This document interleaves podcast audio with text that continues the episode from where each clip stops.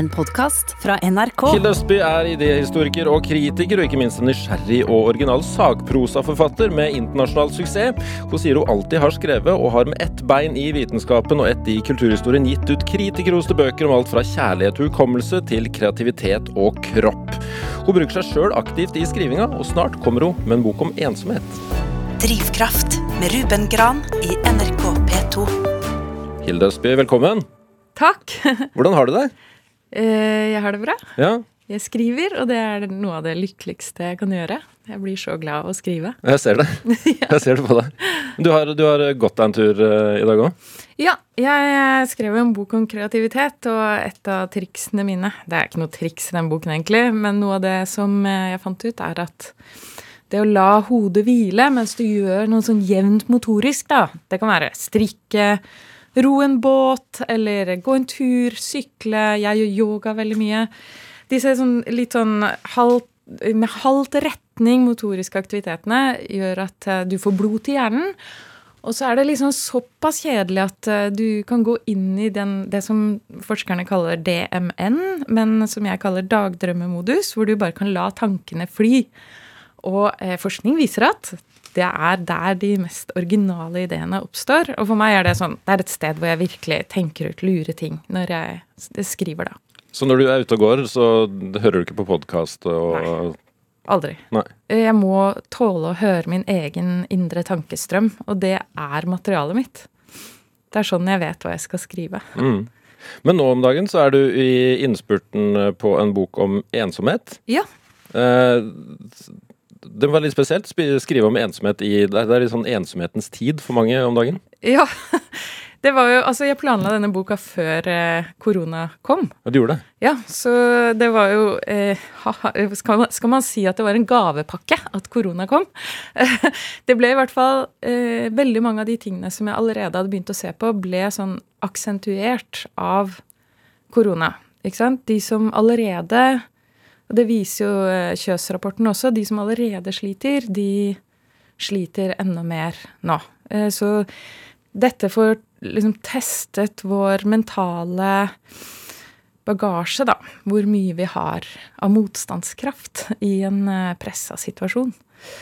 Så mm, ja, det er interessant. Ting blir tydeligere. Mm. Hvordan har du sjøl kjent på ensomhet?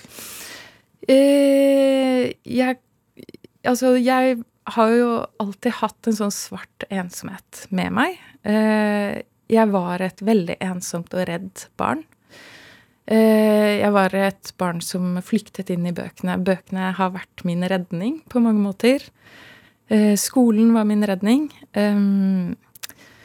Så under korona så har det jo vært 100 000 barn som har lidd ekstra mye. De barna som opplever psykisk og fysisk vold eller omsorgssvikt. Eh, eh, som Som har mørke hemmeligheter, og som vet at de ikke er elska.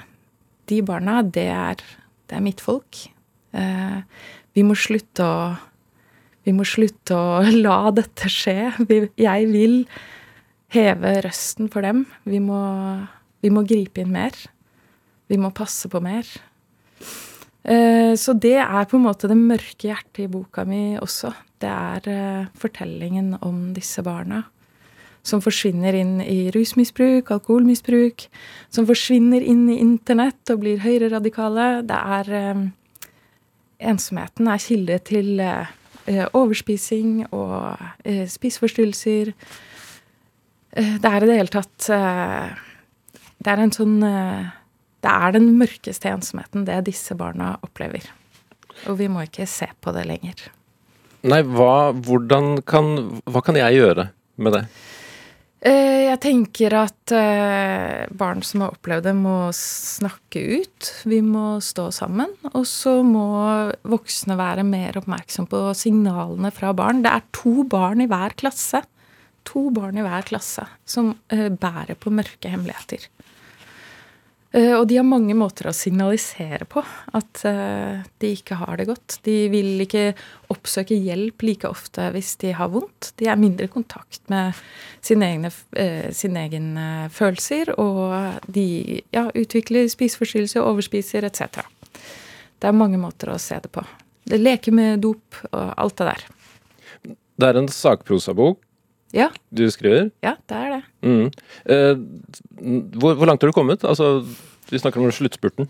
Ja, nei, nå er jeg gjennom førsteutkastet, og så har jeg vært flink og planlagt at jeg skal skrive gjennom hele boka to ganger til.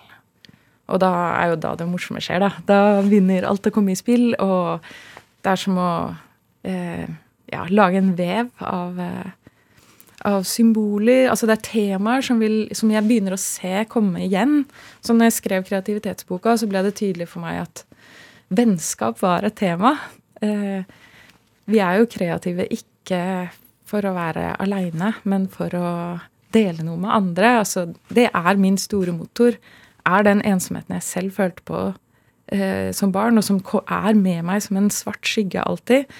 Jeg ønsker å trenge igjennom. Jeg ønsker å bli forstått, og jeg ønsker at de som leser meg, skal vite at de ikke er alene. Det er hele drivkraften min. Men hvordan er det for deg ja, å gå inn i den materien? Uh, det er vondt, selvfølgelig. Uh, jeg skriver om uh, PTSD, altså posttraumatisk stressyndrom. Jeg skriver om sorg. Jeg skriver om vold. Jeg skriver om Altså jeg tenker jo at vold eh, både skaper ensomhet og er skapt av ensomhet. En, eh, en relasjon som inneholder mye vold, er en ensom relasjon, da, om man ikke har ekte kommunikasjon. Ja, det er veldig tungt.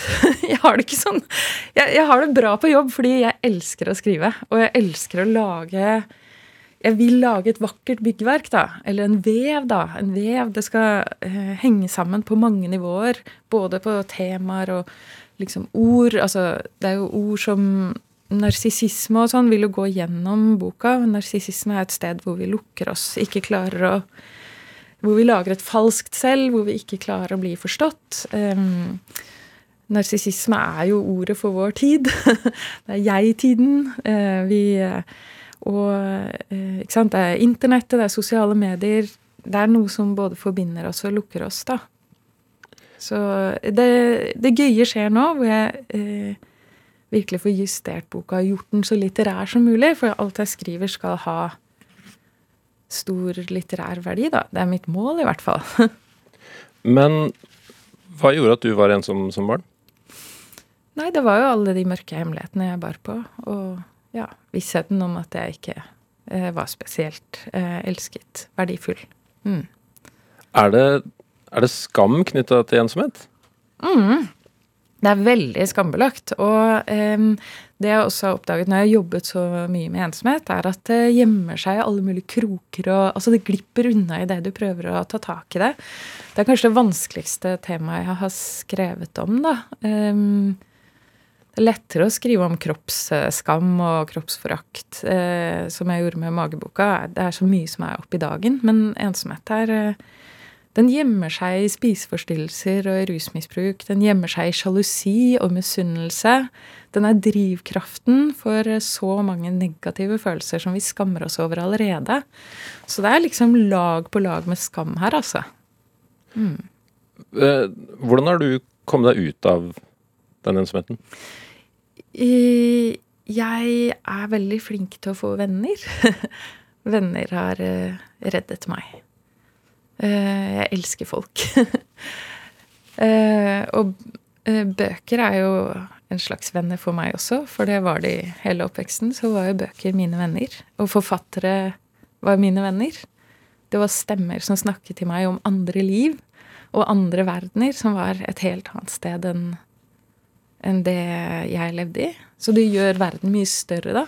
I kreativitetsboka så skriver jeg om noe som heter biblioterapi, som de starta med i England, men som også eh, jeg tror er i ferd med å spre seg til Norge. Og det involverer egentlig å sitte i en sirkel og diskutere bøker man har lest, romaner. Og det har en effekt på det har en kortvarig effekt på angst og depresjon, har forskningen vist. Altså Man knytter seg til karakterene i bøkene, og de viser deg andre løsninger på problemer du selv sliter med. Det gjør verden større. At du kan no, liksom noen timer bare være i noen andres eh, liv, da.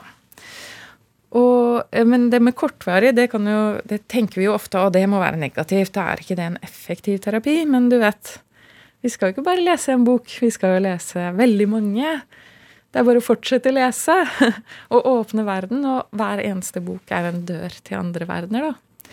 Og det samme er det med venner. Venner er både din liksom en, en, en som, noen som korrigerer deg, og som eh, passer på deg på en sånn eh, likeverdig måte. Da. Det er noe eh, langt bedre enn Altså, jeg har gått masse i terapi, men jeg, venner kan jo si ærlig til meg at det der var en dårlig ting. Nå dumma jeg deg ut.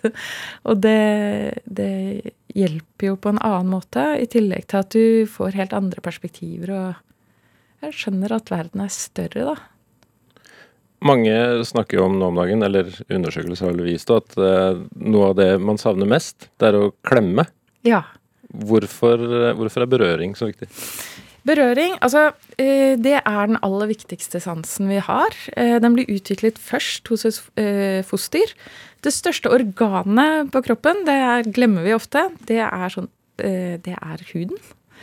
Og i huden, all, i all den huden Dette er noe som de forsker på akkurat nå. I all huden som det har vært pels på, da, når vi var aper, eh, ligger det noen sånne eh, fine nervetråder som kalles bare noe så sexy som C-taktile afferenter. Hei.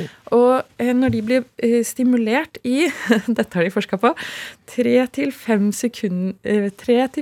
cm i sekundet. Det er urkosen. Det er sånn du koser en baby eller et barn, da. Bare av deg selv. Du trenger ikke å måle, da. Altså, da er du jo ganske nerda. Hvis du tar fram måleinstrumenter. Det forklarer fenomenet liksom sånn pusing på armen? Pusing på armen, ja. ja. Eller bare sånn sitte og Ja, pus, kose forsiktig. Det er eh, både med på å regulere stress, og det gjør at vi vokser mer.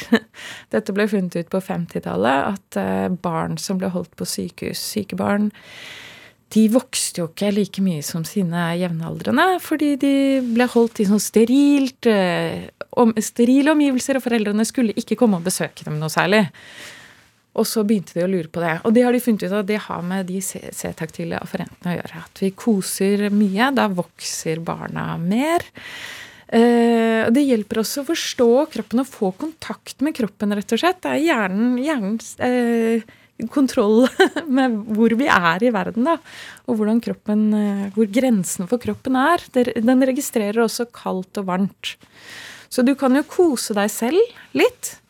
Eller ta en varm dusj, og da vil du på en måte få dekket litt av det behovet for nærhet. Men ikke sant en del av den forskninga som går på det her, knytter seg jo litt an mot forskning på primater, og primater sitter sånn 10% av sin våkne tid og bare steller og puser.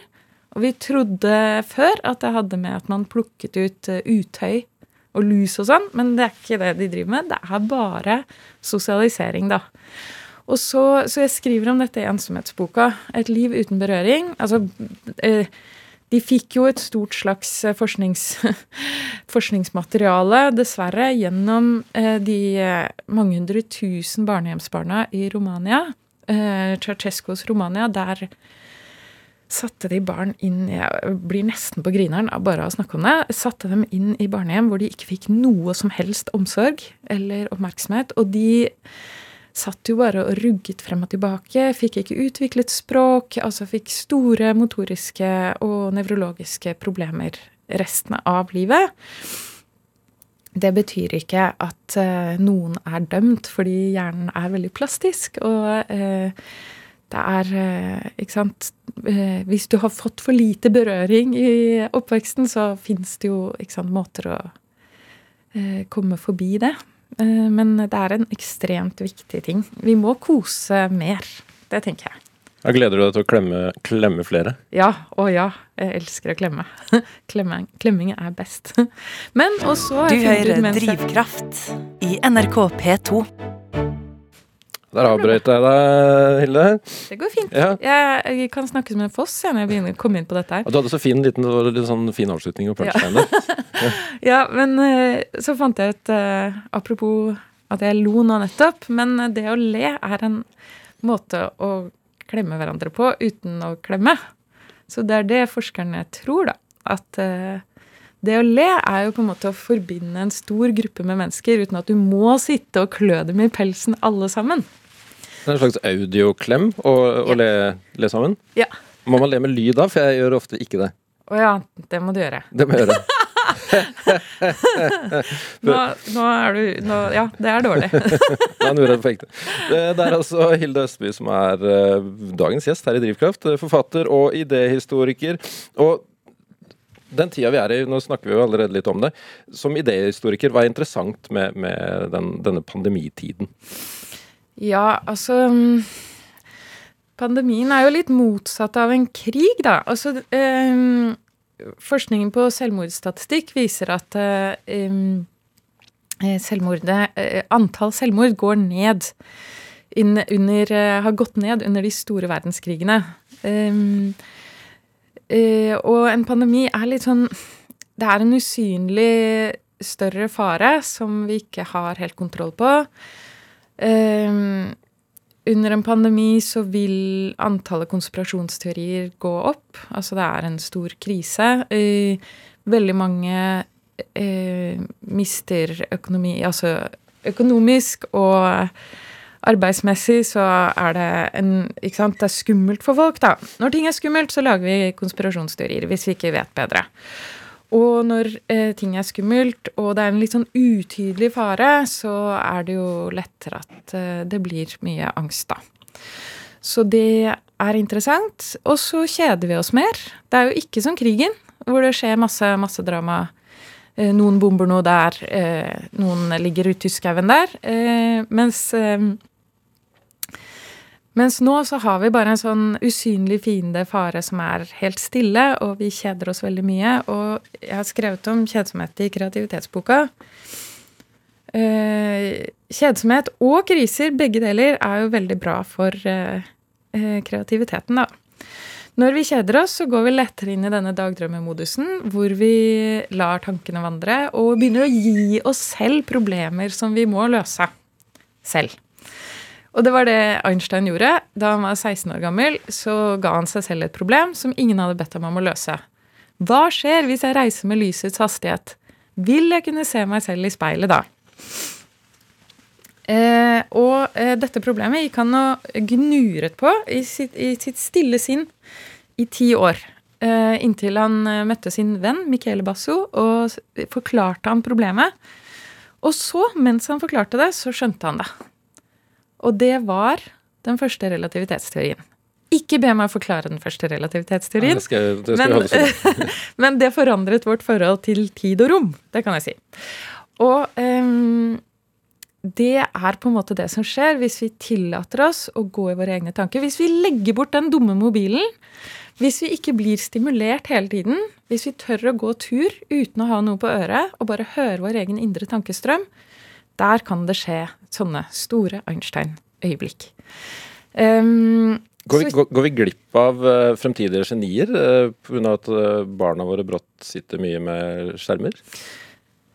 Det blir for bombastisk for meg å si. Og hjernen er jo laget for å gå inn i denne dagdrømmemodus, enten vi vil eller ikke. Så vi gjør det hele tiden. Vi hopper inn og ut av denne modusen. Du, du gjør det antageligvis nå.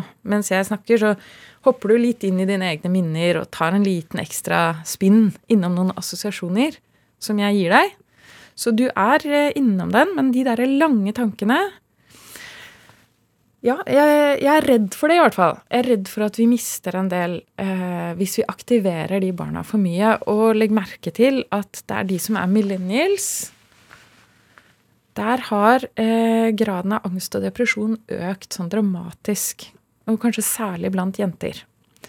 Men eh, det, eh, det er mange grunner til det, helt sikkert. Jeg tror at eh, en av grunnene er at vi har et så et ekstremt strengt prestasjonssamfunn, hvor du ikke får lov til å gjøre noe feil. Hva er viktig når du skal være kreativ? Gjøre feil! Du må gjøre feil. Du må tåle å gjøre feil. Og du må tåle å vite Nei, du må tåle å ikke vite hvor du skal. Du må tåle å gå deg vill. Uh, og er det rom for det i den, det skolesystemet vi har nå, de livene vi liner opp for de barna nå? Og så er jeg bekymra for at de sitter for mye på disse telefonene. Fordi telefonen eh, ødelegger ikke bare oppmerksomheten din. De er jo drevet av, altså Sosiale medier er jo drevet av oppmerksomhetsøkonomi. De skal styre oppmerksomheten vår. Og vi skal helst bli holdt i oppmerksomhet hele tiden. Ikke sant? Så vi får en mye kortere oppmerksomhetsspenn når vi eh, sitter og hopper fra ting til ting på Facebook.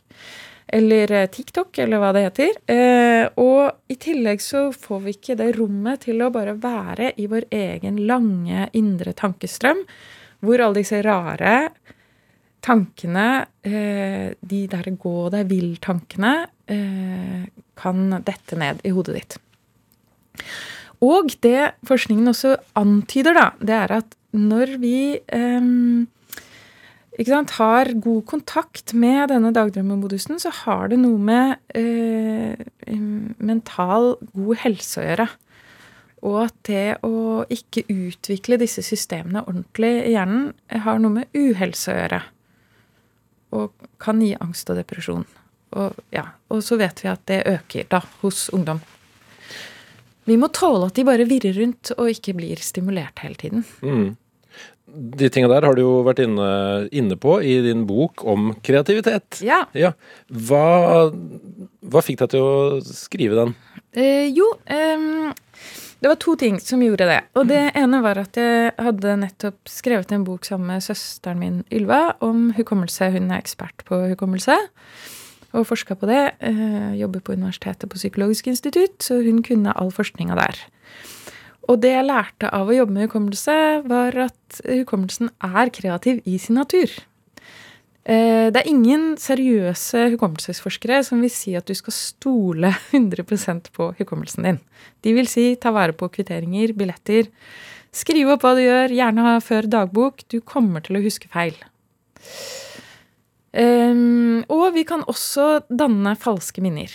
Så jeg har slitt veldig lenge med et falskt minne av at eh, Gudmund Hernes er død. Beklager, Gudmund Hernes, jeg tror at du er død.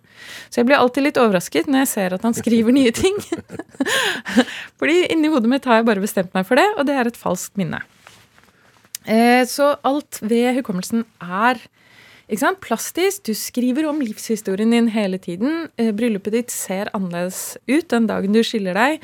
Eh, du, du, kan ikke huske riktig om detaljer. Jeg husker ikke riktig om mitt første kyss. Ikke sant? Jeg bare I minnet mitt så vet jeg at jeg ikke var naken. Jeg var 14 år og ikke naken. Så antageligvis hadde jeg på meg enten en sånn rutete skjorte jeg pleide å gå med, eller den der lilla, eh, litt kule genseren som jeg også gikk veldig mye med. Så i minnet mitt så bare kler jeg på meg det. Eh, Annenhver gang, egentlig. Bare for å passe på at det blir sånn passe riktig. Men det kan hende jeg hadde på meg noe helt annet. Og det er fordi det er ikke viktig. Hukommelsen er styrt av sterke følelser. Så det er kysset du husker, og ikke hva du hadde på deg, ville vært veldig rart. om du husket jeg, veldig mye om det. Jeg har tenkt på en ting, for det der har du jo snakka om før. Ja. Hva sier det om mitt første kyss at jeg ikke husker det? Eh, at, kanskje at du må oppsøke lege. Nei da. Har du sjekket hodet ditt? Nei. ja, men Betyr det at det ikke var så minneverdig, eller er det Ja, det betydde vel ikke noe for deg, da. Nei. Var du ikke forelska i henne? Husker ikke. du husker ikke? Ja, men da var du ikke forelska, da. Da er jeg ferdig med saken. ja, jeg var ikke forelska i den jeg kyssa heller, men jeg husker at det var litt flaut at jeg kyssa han, fordi venninna mi var så forelska i han. Så var, jeg, det var masse skam og litt sånn Jeg var litt flau og litt skamfull. For det var liksom feil. men, men, nok om meg og mine kyss. Nei, det er eh, fint. Kreativitetsboka di, det, det skjedde jo, jo, noe. Og så skjedde det noe. Altså, Da vi skulle lansere denne boka om hukommelse, så krasja jeg inn i en bro med hodet først, og jeg hadde ikke på meg hjelm. Og alle som sykler, må ha på seg hjelm. Husk det, dere der ute. Ha på hjelm. Fordi eh, det er jo en av de største truslene mot hukommelsen er å få en hodeskade. Hos folk under 40 år så er det den vanligste grunnen til hukommelsesproblemer. Og du sykla, og så møtte du en bro? Ja, jeg syklet under en bro, og så traff jeg brohodet liksom med panna først. Eh, og resten av kroppen fortsatte jo da, for det var jo bare panna som traff, eh, ikke sant. Så da, eh, da fikk jeg en lett hjernerystelse. Jeg hadde ikke besvimt engang, så det var jo ikke noe sånn Det var bare veldig mye blod, og jeg brakk nesa. Men på legevakten sa de at dette kom til å ta tre uker, og så ville jeg bli helt fin. Og så tok det ikke tre uker. Det tok to år. Og fortsatt har jeg jo litt tinnitus og alt som er. Men det som skjedde, var at hodet mitt begynte å kry av ideer. Og det er beskrevet eh, Det er mange andre som har opplevd det sånn, men det er, det er enda mange flere som har opplevd å miste all kreativitet. Blant annet tror man at komponisten eh, Ravel, Maurice Ravel, at han sluttet eh, å skrive musikk etter en bilulykke hvor han skada hodet. Så det er mer vanlig at det ødelegger alt for deg. Så jeg vil ikke anbefale denne metoden. Eh, du som nå ble litt fristet til å kjøre inn i en bro, ikke gjør det. Du blir antageligvis ikke mer kreativ. Men jeg ble det. Og det som skjedde, tror jeg, for å selvdiagnostisere meg selv etter å ha lest veldig mye hjernevitenskap, det er at jeg tror eh, temporallappen min ble litt midlertidig skada. Temporallappen er veldig nyttig. Den er med i et system i hjernen som heter eksekutivfunksjonen. Eksekutivfunksjonen er det vi driver med nå når vi er fokusert og eh, oppmerksom på noe ytre. Så du følger med på det jeg sier. Nå er du i eksekutivfunksjon. Og da trenger du temporallappene til å blokke ut alt av eh, uvesentlige eh, lyder og uvesentlige synsinntrykk. Og, og mye viktigere, eh, uvesentlige assosiasjoner og tankesprang. Fordi det vil jo bare forstyrre tankerekken. Vi har jo en retning og et fokus her nå når vi snakker. Eh, og er eh, i eksekutivfunksjonen, som også sørger for at vi vurderer konsekvensene av det vi gjør, og sørger for en slags retning, ikke sant? Så eh, når temporallappen er nede, det skjer f.eks. idet du går hjem og legger deg f.eks. i kveld, så er du sliten etter en lang dag. Da popper det masse gode ideer opp. Har du opplevd det? Mm -hmm. Ja. Og det er jo typisk. Da er du sliten, temporallappen har gitt opp, og bare du hopper rundt i dine egne crazy sprø assosiasjoner. Der foregår det masse gøy. Det er der ideene skjer. Så eksekutivfunksjonen er veldig viktig når vi skal gjøre noe, ikke sant? konsentrere oss om å lære noe, lese en bok etc. Men vi trenger jo eh, disse tankesprangene som det er idémateriale. Så det er det er det som eh, er så bra med denne eh, dagdrømmemodus, med å prøve å ta mer vare på dagdrømmemodus. Da kan du hoppe mer rundt i dine egne crazy assosiasjoner. Og det var det jeg gjorde. Da, nesten uten stopp, rett etter det eh, sykkelkrasjet. Så det var det jeg måtte undersøke, da. Hva er det som skjer her nå? Hvorfor har jeg så mye ideer? For det var sånn eh, at det klødde i hodet, på en måte. Og jeg var liksom full av virketrang. Jeg er det vanligvis, altså. Men mye mer enn vanlig. Jeg klarte ikke å ligge stille, på en måte. Eh, ennå det skulle jeg jo. Um, og det er også derfor jeg fikk tinnitus. Fordi uh, jeg, klar, jeg, klarer ikke å blokke ut den der bakgrunnsstøyen, så det blir, går og feeder i øret mitt. Uh, ja, så derfor så måtte jeg skrive en bok om kreativitet. da. Og så fant jeg ut at kreativiteten er jo overalt, i alt vi gjør. Hjerne, all, alles hjerner er kreative. Det er på en måte bunnlinja. Vi er alle kreative. Vi har alle disse ville tankesprangene og tilgang på alle disse rare ideene. Spørsmålet er hvorfor blokker vi oss selv? Så det er noen, eh, det er noen ting som er sånn direkte trussel mot eh, kreativiteten. Eh, det er alle krav om effektivitet, om sant, å produsere hele tiden. Det er stress, at man ikke har rom til å feile. Jeg tenker at vi må se på skolesystemet. Vi må se på hvordan arbeidslivet vårt er lagt opp. Det jeg oppdaget når jeg sjekka kreativitetens kår eh, i den boka, det var at eh, hvem er det som har det friest på arbeidsplassen? Eh, det er de som tjener aller mest. Det er tech-bransjen.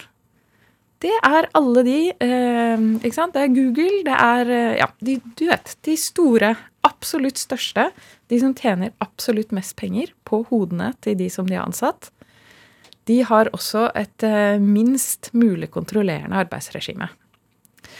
Så vi må se på hvordan eh, eh, Åttetimersdagen har blitt forhandlet frem i en tid hvor vi jobbet på fyrstikkfabrikk og skulle produsere så og så mange fyrstikker. Men det er ikke det vi driver med nå. Vi, hodet vårt er kobla på hele tiden. Så vi har solgt hodet vårt til arbeidsgiver. Vi som jobber med hodet, da. Altså det er jo fortsatt folk som jobber med å produsere noe på tid, på samme måte som i fyrstikkfabrikken. Men eh, alle som jobber i hodejobber, da. Skal vi kontrollere deres tid i det hele tatt? Skal vi ikke se på det å gå en tur i skogen, da, og få gode ideer, som en del av arbeidet? For det er det det er. Um, vi må lære av tech-bransjen. Det er veldig mange ting vi ikke skal lære av tech-bransjen. Uh, for det paradoksale er jo det de så kreativt har kommet frem til, kanskje tar fra oss en del av vår kreativitet. da. Hvis vi er hekta på sosiale medier, så får vi ikke tenkt de gode tankene selv. Man gjør ikke det. Men jeg føler det er, det er mange myter knytta til kreativitet. Altså at, Ja. at, at noen er mer kreative enn andre, som du så vidt Ja. var innom, at det fins liksom sånn kreative genier. Ja. Det er bare tull. Det er bare tull, og det er en myteskapt eller som begynner, jeg, jeg finner liksom Forløperne til den myten ligger på 1400-tallet. Um, og blir utviklet videre på 1800-tallet uh, av sånne kreative genier i gåseøyne som lord Byron og Goethe. Uh, det ensomme kreative geni som må gjøre grenseerfaringer med rus og alkohol, og som er preget av mørk depresjon osv. Uh, jeg undersøkte alt det. Eh, det med eh, ensom, det tror jeg ikke noe på, fordi eh, ingen av de skrev bare for seg selv. De ville bli lest. De skrev noe som de fikk trykket, som de ville ha lest. Så det å skrive, eller lage noe kreativt i det hele tatt, er en dypt vennskapelig handling. Noe du gjør for å dele din, ditt indre univers med andre. Eh, og så var det det med rus, ja. Så undersøkte jeg forskningen på rus, og det fins jo ikke noe gode forskninger på rus, fordi man kan ikke lage et kontrollert studium hvor man har tu, liksom 1000 ikke sant, representativt utvalg på 1000, og så halvparten skal få LSD, og den andre skal ikke få det. Det skjer ikke. Så de må spørre folk som allerede har tatt dop, og i de studiene så har de ikke funnet at det er eh, ja, noen god effekt, da.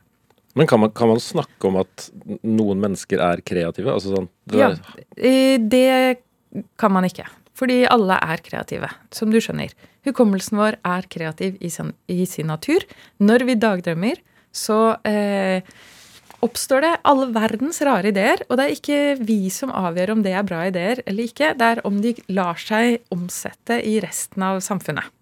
Så det kan tilfeldigvis være en god idé, eller kan tilfeldigvis være en dårlig idé. Men eh, det å tillate seg selv å ha helt rare ideer, det er første steg. Og det har vi alle sammen hele tiden. Så jeg skriver jo bl.a. om John Logie Baird, som var tolv år gammel og ganske flink da, til å koble ting. Og klarte å lage, ja, Dette var i 1900. Han klarte å lage et lite mini-telefonsystem hjemme. Eh, Etter å ha sett, studert telefonsystemet i den lille byen han bodde i, Helensburg. Og så forestilte han seg at han skulle lage en telefon som kunne også sende bilder. Og en tolv år gammel gutt som sier 'Hei, du, mamma, jeg kom på noe skikkelig lurt. Hva om vi bare sender bilder med telefonen?' Hun må jo ha sagt sånn 'Ja, du, John, bare stikk ut og lek. Eh, lykke til.' Og så skulle jo det bli, bli den ideen som forandra livet hans. Det var ideen til TV. Og han sluttet aldri å, å prøve å lage en TV. Han klarte det. Han eh, fant opp den første TV-en. Og eh, det har jo forandra både hans liv og vårt liv. For vårt liv er jo veldig knytta til skjerm. Så det fikk enorme konsekvenser, den teite ideen han hadde som tolvåring. Så jeg vil virkelig at alle skal høre mer på sine egne dårlige ideer. Du kan vite at du får litt bedre ideer hvis du er kobla på kulturen. Så det hjelper å kunne veldig mye. Så der, der igjen tar jeg en, eh, en av bitene av det, den myten om det kreative geni som bare faller ned på jorda, øh, fylt med talent. Eh, det funker ikke på den måten. Du må være kobla på, du må vite hva du skriver opp mot, eller hva du lager opp mot, for å kunne lage noe interessant. For ellers så finner vi jo opp hjulet for hver generasjon. Det går jo ikke an. Så eh, du Og eh, alkohol er undersøkt. Forskning på alkohol viser at ja, alkohol er jo ikke bra for hjernen i det hele tatt. Så det bryter jo ned hjernen. Så vi burde jo ikke drikke masse alkohol. Men de beste ideene kommer jo på nachspiel. Eh, ja, det er det du tror, ja. Men det kan være gode ideer, det er helt klart. Men eh, forskning på alkohol viser at eh, det første glasset får temporallappene til å slappe litt av. Og da kommer de ideene, ikke sant? Men eh, den forskningen jeg har sett på, er jo ikke noe som har med kreativitet i seg selv å gjøre. Den viser at jo raskere temporallappen går ned når du drikker et glass vin eller øl, eller en øl, jo raskere, eh, jo mer sannsynlig er det at du blir alkoholiker. At du tar en enhet til, og en enhet til, og en enhet til. Så eh, det er ikke å anbefale å drikke mer enn ett glass vin, da. Og de færreste klarer jo å holde seg til det, da. På, på, på et personlig plan, Ja. er det, er det viktig for oss å, å være kreative? Ja, altså det, det er det som ble veldig tydelig for meg. At kreative aktiviteter eh, gjør oss lykkelige og glade. Så jeg kan si med helt 100% sikkerhet at når Edvard Munch malte 'Skrik', så var han lykkelig. Han følte ikke angst. Han beskrev angst, men han følte ikke det mens han laget det bildet. Fordi eh, forskning på eh, det å gjøre en kreativ aktivitet, da, det viser at Nå har jeg snakket litt om eksekutivfunksjonen, som handler om det å ha eh, oppmerksomhet rettet mot ytre ting. Og dagdrømmemodus, som er den der hvor du forfølger eh, alle assosiasjoner og hopper fra idé til idé. Eh, I dagdrømmemodus så bearbeider vi også forholdet til oss selv og andre for å skjønne hvem vi er i verden. Vi konsoliderer minner, sånn at minner blir sittende i hukommelsen. Og det kan ta opptil flere år. Og så i tillegg så lager vi visjoner om fremtiden. eh, Og alle disse rare ideene dukker opp. Men det som skjer når vi gjør en kreativ aktivitet, da, som f.eks. å spille musikk, eller når jeg skriver, da, da samarbeider de to systemene. Så egentlig kan man tenke på at de er motsetninger. Men idet vi gjør noe kreativt, eller kanskje til og med når vi går en tur Du kjenner igjen den følelsen av at du skal jo gå fra et sted til et annet, men så kan du gå litt utenfor stien. Du kan gå og snuse på noen bringebær. Det er ikke så farlig. Du er ikke stressa. Du skal bare ut av skogen en eller annen gang. Det kan godt hende at kreative aktiviteter imiterer å gå en tur, eller motsatt. Um, men den derre at du har halvt retning, men samtidig kan forfølge assosiasjoner og innfall. Den tilstanden gjør oss lykkelige. Det er det som skjer. De har målt det hos jazzpianister. Mens de improviserer, så er de i begge systemene samtidig. Og eh, yoga også har de sett at det skjer med. Men det er veldig sannsynlig at det skjer også for meg når jeg skriver. For da har jeg den samme følelsen av sånn retning. Halvt retning. Men eh, jeg kan utforske ting underveis. Det er et bra sted å være. Man kan gjøre det når man strikker eller ja. Jeg tror det stemmer. Du ser veldig glad ut hver gang du sier ordet skriving. Jeg elsker å skrive. Det er et eller annet der. Men etter den hjernerystelsen, begynte du, begynte du å leve annerledes på noe vis?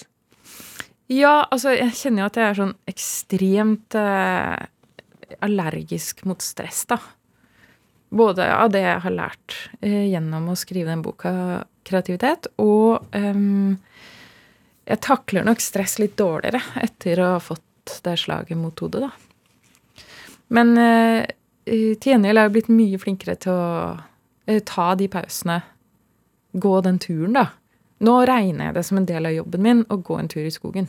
Det er en del av jobben min. Det er da jeg løser de, best, liksom de vanskeligste tingene i teksten. Løser jeg jo da. Så mm, ja, det har jo forandra livet mitt, selvfølgelig. På veldig mange måter. Eller ja, alltid livet mitt er annerledes etter at jeg krasja med den broa. Ja. Jeg, nå er jeg jo heltidsforfatter, og det var jeg jo ikke da. Så jeg sa opp jobben min og ble heltidsforfatter. Og eh, ja, solgte Vi sol, hadde en svær leilighet, solgte den for å bo i en mindre leilighet. Og det føltes jo både mer miljøvennlig, og det var sånn Da, da kan vi ta den risikoen, da. Og det skriver jeg jo også om, men det å beskytte kreativiteten sin, da, handler om å ikke sant, Å leve vilt og på grensene og sånn. ehm, det er å brenne opp hele lyset, da, med en gang. Så det vil jeg jo ikke anbefale. Så det viktige her er jo, for meg i hvert fall, er å beskytte kreativiteten min. Sånn at det holder en lang stund, da. Mm. Har forandra preferansene dine seg på noe vis? Etter uh, hoderystelsen? Preferanser? Ja. I, I hva? I, I livet? I, i, oh, ja, sånn, hva ja. du liker og ikke liker? Uh, nei, det tror jeg faktisk ikke. Uh, nei. Så Samme smak f.eks. i musikk og menn? ja, ja, det er sant. Ja, det har jeg. For du er gift og hører på musikk, eh, har jeg inntrykk av? Ja. Mm. Hva, hva er fellesnevneren for, for musikken du setter pris på? Eh, at den er eh, Nei, du vet hva, jeg har ikke noen fellesnevner der. Eh, jeg hører på veldig, veldig trist eh, moderne musikk og Bach og eh, ja, mye klassisk, da, for jeg vokste opp med mye klassisk og sunget i kor og sånn. Og så hører jeg på alt mulig rart av pop og rock og ja.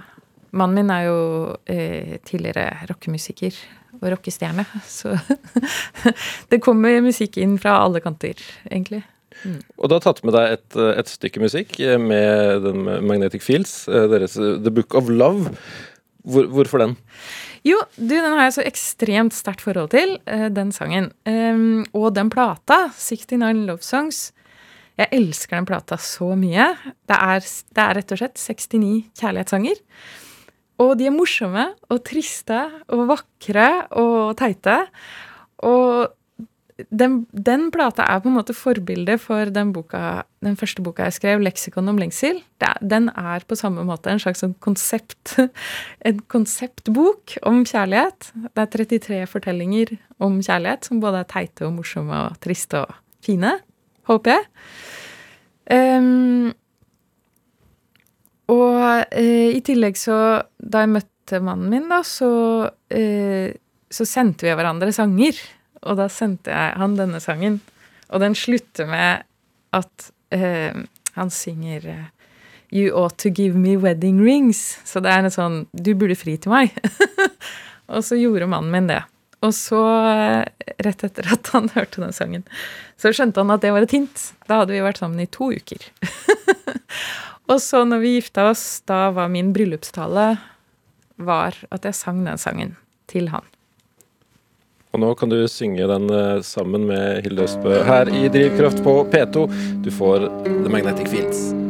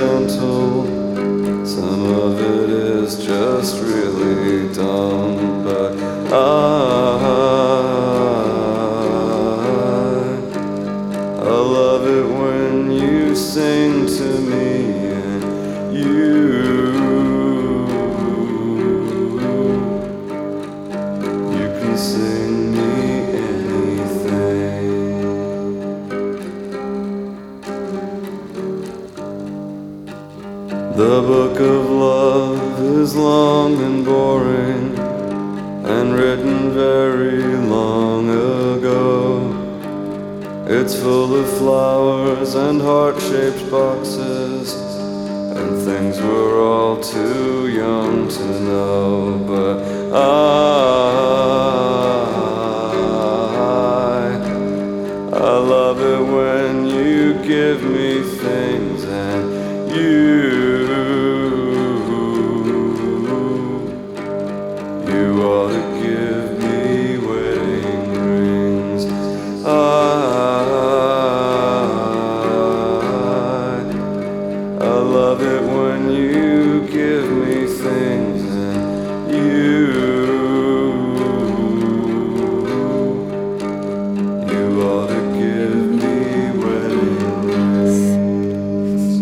Magnetic Fields uh, featuring Hilde Østbø der uh, på slutten. Uh, The Book of Love, som idéhistoriker og forfatter Hilde Østbø også har tatt med hit i Drivkraft på P2. Det kommer snart en bok om ensomhet. Ja. Eller forholdsvis snart. Ja. ja. Men den siste boka di, det var mageboka. Ja. Sju steg mot å like kroppen sin. Ja. Kroppen din. Ja. Hvor Hva handler den om? Eh, det handler bare om at jeg ble 45 år, og så prøvde jeg å liksom oppsummere livet mitt. Og det er jo noen ting som har vært stabile i livet mitt. Men ja, jeg har drevet med yoga i mange år, men det er bare sånn 15 år. Og mannen min har jeg kjent i sånn åtte. Og um, ja, ikke sant. Hva er det jeg har gjort og hatt i livet mitt? Ja, bøker har jeg selvfølgelig hatt veldig lenge, men eh, så skjønte jeg at det hatet mot min egen kropp, det har vært der konstant i 30 år. Og jeg har begynt å ta det for gitt. Og liksom, du vet eh, Du vet når du har slått deg på fingeren, og så bare blir, venner du deg til å bøye fingeren unna, skjønner du? Altså at eh, du lærer deg så mange omgåelsesstrategier bare fordi Ja, ja, men jeg kan jo ikke, eh, jeg kan jo ikke det fordi Og spesielt magen, da. Og så ble jeg sånn besatt av å finne ut hvorfor. Og så skrev jeg egentlig bare et eh, kortere sånn blogginnlegg om det, og så fikk jeg sånn kjemperespons på det, da. Så skjønte jeg at det her gjelder jo veldig, veldig mange. Og da ble jeg ordentlig forbanna. For det tenker jeg det, det går ikke. Altså, Én ting er at jeg hater min egen kropp. Jeg tenker jo at jeg burde se ut som Jennifer Aniston. Men at alle de vakre menneskene jeg kjenner rundt meg, eh, skal føle det på samme måte, det nekter jeg å akseptere. Eh, for jeg vil jo egentlig at vi skal se forskjellige og eh, så forskjellige ut som mulig. Det vil vi jo egentlig alle sammen. Vi vil jo ikke at alle skal se ut som Jennifer Aniston eller Brad Pitt. Ikke sant? Det hadde jo vært utrolig kjedelig. Helt enig. Og, og, dessuten så hadde jo ikke menneskeheten vært, og det fant jeg jo ut etter hvert altså Menneskeheten hadde jo ikke overlevd som eh, art. Altså noe av styrken til menneskeheten som art har jeg funnet ut gjennom både å undersøke hjernen, men også kroppen. Det er jo mangfoldet. Mennesket er så mangfoldig. Noen husker hver eneste dag i livet sitt 50 år tilbake i tid. Noen får eh, utrolig mange ideer og er veldig modige når det gjelder å gjennomføre de. Og noen er redde og konservative og passer på at regnskapet blir gjort. Og vi trenger begge deler. Vi trenger alt det der. Og vi trenger små, eh, korte mennesker som meg med litt mage. Eh, jeg, min slekt har overlevd på grunn av det. Ikke sant? Og eh, sånn er det med oss alle. Vi er genetiske vinnere. Vi har overlevd fordi vi trengs i mangfoldet, og vi har våre forskjellige styrker eh, og svakheter. Så eh, jeg eh, måtte på en måte skrive meg gjennom det kroppshatet, da, som ikke kommer fra at jeg er veldig manisk opptatt av mote, skjønnhet eller noe som helst i den retning. Eh, jeg lever av hodet mitt, og jeg er fullstendig klar over at ingen ville ansette meg på bakgrunn av utseendet. Det er ikke det som er min styrke her i livet. Eh, og da måtte jeg finne ut hvor det kom fra. Det kom jo, og det kom jo egentlig mye mer fra Fant jeg ut. Det kommer jo mer fra depresjon enn det kommer fra uh, utseendet i seg selv. Altså det er mye mer knytta til du, hvordan du føler deg. Og det er en slags måte å plassere uh, depresjonen ut i kroppen på, sånn at du kan håndtere den litt bedre. For hvis du kan kontrollere det og, manipulere det, så føler du at du har kontroll, da. Så det er en måte å håndtere følelser på. Og det mest uh, liksom ekstreme versjonen av det er jo det som brer om seg nå mer og mer. Dysmorfofobi. Eh, det er en sånn at man blir manisk opptatt av en del av kroppen må forandres. Og det er jo en drivkraft i um, plastisk kirurgi. Jeg vet at det brer om seg nå med uh, unge folk som vil Det er så trist, da. At de vil forandre ansiktet sitt sånn at det ser ut som et Instagram-filter. Har du hørt om det? Det, jeg tror det. At de opererer ansiktet sitt sånn at de ser mer ut som et Instagram-filter. Det er en egen og helt ny type dysmorfofobi. Og det er en måte å løse indre problemer på ved å endre noe ytre. Og det monsteret blir aldri mett. Og det kjente jeg på da. Og jeg har jo hatt eh, både spiseforstyrrelser og ikke sant, båret på så mye selvforakt. Jeg merker at det er et monster som aldri blir mett. Så jeg bestemte meg for at det her, nå skal det slutte. Det skal slutte i dag. Jeg håper det slutter for alle som leser boka. Jeg har fått masse tilbakemelding på at det har det, faktisk. At det kan hjelpe å reflektere over de tingene her. Ehm, og hvis det ikke gjør det, så vil jeg anbefale å gå til en god terapeut og jobbe videre med det. Fordi eh, jeg skjønner virkelig ikke hvorfor vi skal bruke så mye krefter på noe så meningsløst som å prøve å forandre kroppen vår, når eh, verden er så stor og fantastisk, og det er så mye vi kan lære å gjøre. Eh, og den boka fikk meg jo til å sette mye mer pris på å danse litt dårlig og bade i kaldt vann. Gjøre morsomme ting med kroppen, rett og slett. Altså Jeg har mer glede av kroppen, da. Ja, for, Forandra ditt forhold til kroppen din seg? Eh, etter ja, å ha gått absolutt. så dypt inn i det? Absolutt. Fordi jeg skjønte plutselig altså Jeg fikk, fikk tak i den negative tankestrømmen som bare gikk på 'Å, du er så stygg. Du kan ikke Å, du kan ikke ha på den kjolen der'. Eh, jeg fikk tak i den tankestrømmen og satt den til veggs. Og da ble det tydeligere for meg hvor teit den var. og skal jeg bruke så mye krefter på det? Det kan jeg ikke gjøre når verden er så stor. Og livet er så kort, og vi skal snart dø, og da er jo kroppen over. Så vi må jo ha glede av den når vi er her. Hva tror du pandemien vil gjøre med synet vårt på kroppene våre? Ja, jeg er engstelig for at det vil bli mer kroppsforakt. At vi Ikke sant. Folk eh, vil Hvis man ikke passer på nå, da, så fordi det som hjelper mot lette depresjoner, er jo veldig enkelt, egentlig. Det er å spise sunt, sove syv til åtte timer hver natt eh, regelmessig og eh, trene sånn en halv time hver dag. Det er, mer, det er det samme fastlegen din vil si at du trenger bare for å ha generelt god helse. Og det hjelper også mot depresjon. Men hvis man eh, bare flyter da, i denne koronatiden, lar tingene flyte, glemmer å trene, sitter for mye foran den skjermen Jeg tror jo ikke at det er bra. Det gjør at vi kan falle inn i lette depresjoner. Vi spiser for mye, vi overspiser. Eh, både ensomhet og usikkerhet gjør at vi overspiser, da. Så hvis man både spiser for mye og går inn i en sånn negativ spiral av eh, selvhat og depresjon og spiser for mye, så vil jo Ja, jeg er bekymra da. Jeg vet at, uh, altså at spiseforstyrrelser har gått opp under korona. Så Men igjen, som jeg innledet med, det er uh, om du har en type sårbarhet fra før, så vil alt bli veldig forsterket i denne situasjonen. Så det er det jeg er mest redd for de som allerede bærer på ting, da. Ja, fordi jeg tenker at det kan hjelpe å lese boker og snakke med noen, men idet man sitter der med, med selvforakten og kroppshatet sitt av, som du sier, noe, noe fælt som har skjedd, eller en mm. depresjon fra tidligere, da da burde man ha gjort noe med det på et tidligere tidspunkt. Hvordan skal man skjønne, hvordan ja. skal man skjønne at man må komme seg ut av det? Ja, det er det. Nei, det er eh, vanskelig. Og negative spiraler, det er veldig tydelig for meg. Negative spiraler er veldig De drar mye med seg, da.